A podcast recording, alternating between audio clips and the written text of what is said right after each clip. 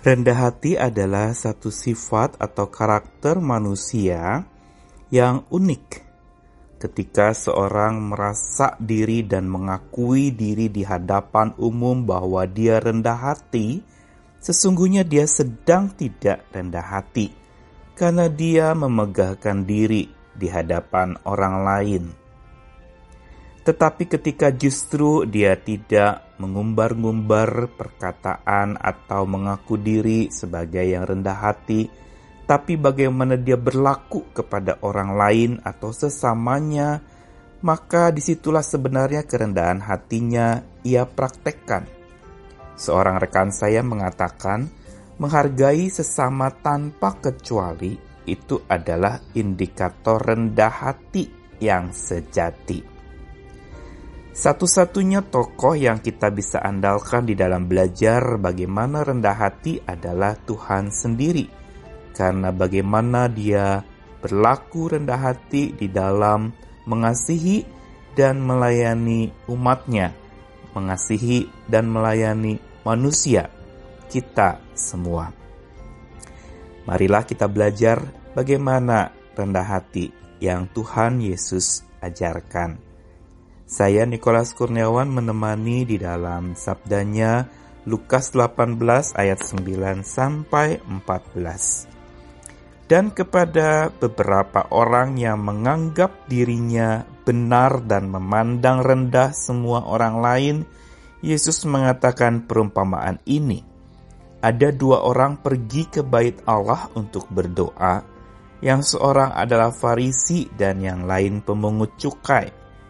Orang Farisi itu berdiri dan berdoa dalam hatinya begini, Ya Allah, aku mengucap syukur kepadamu karena aku tidak sama seperti semua orang lain, bukan perampok, bukan orang lalim, bukan pesina, dan bukan juga seperti pemungut cukai ini. Aku berpuasa dua kali seminggu, aku memberikan sepersepuluh dari segala penghasilanku. Tetapi pemungut cukai itu berdiri jauh-jauh, bahkan ia tidak berani menengadah ke langit, melainkan ia memukul diri dan berkata, Ya Allah kasihanilah aku orang berdosa ini. Aku berkata kepadamu orang ini pulang ke rumahnya sebagai orang yang dibenarkan Allah dan orang lain itu tidak. Sebab barang siapa meninggikan diri, ia akan direndahkan.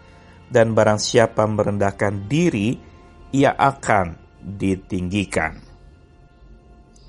Kerendahan hati seseorang memang bisa diuji lewat ketika dia menghadapi masalah pelik dalam hidupnya, atau ketika dia menghadapi konflik yang berat yang melanda dirinya.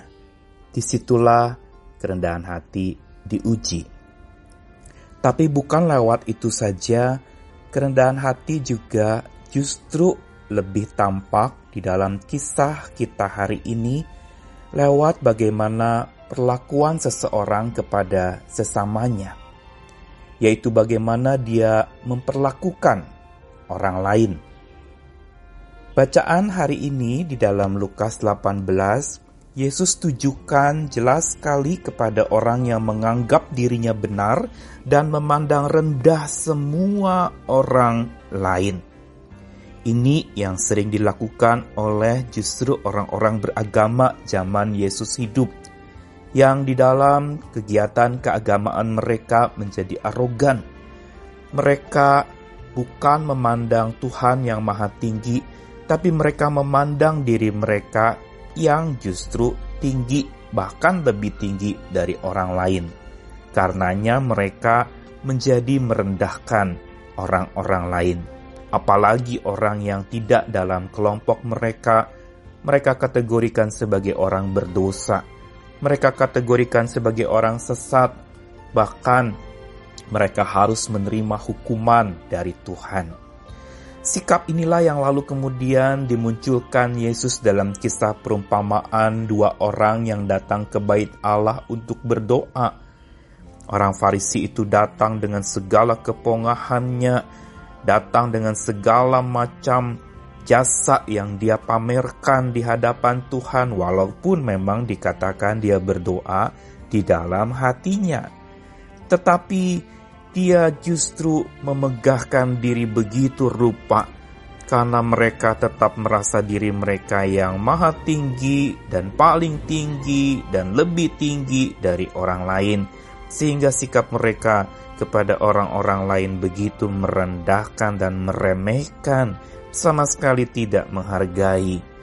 Dan bagaimana mereka di dalam ungkapan doanya mereka memegahkan akan sikap-sikap mereka yang bukan perampok yang tidak sama seperti orang lain, Bahkan mereka bersyukur untuk begitu hebatnya mereka di hadapan orang lain.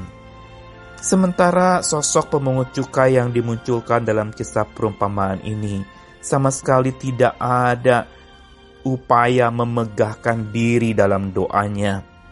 Ia justru menyembah Allah begitu rupa, dia merendahkan dirinya begitu rupa, dan dia memukul-mukul dirinya melambangkan sebagai bentuk penyesalan dan pengakuan dosa di hadapan Tuhan sambil dia berkata, "Ya Allah, kasihanilah aku, orang berdosa ini."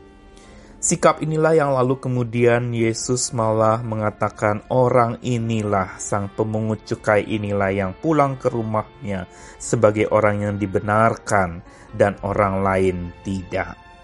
Mengapa Yesus berkata demikian?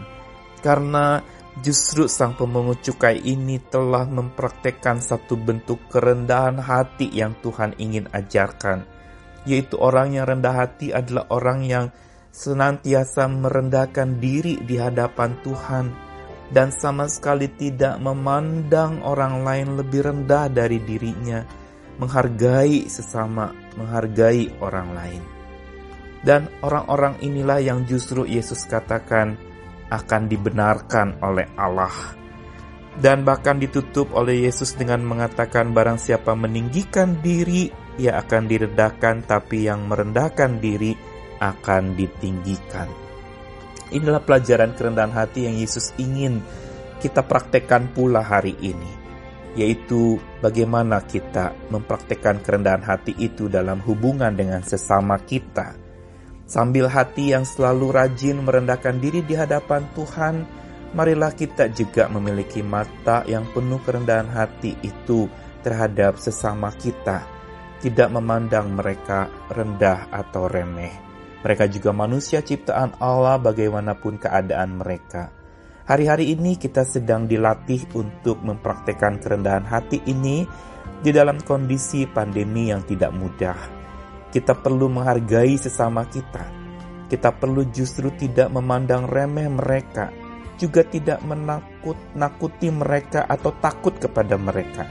Tapi dengan sikap bagaimana kita menjaga jarak dan juga mencegah penularan terjadi, menjauhi kerumunan, sebenarnya ini merupakan praktek kerendahan hati kita terhadap sesama kita, agar mereka justru tidak mengalami penularan atau terkena virus yang sedang melanda dunia ini.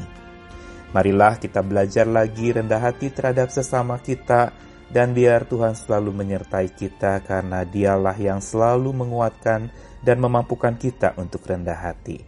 Selamat beraktivitas. Amin.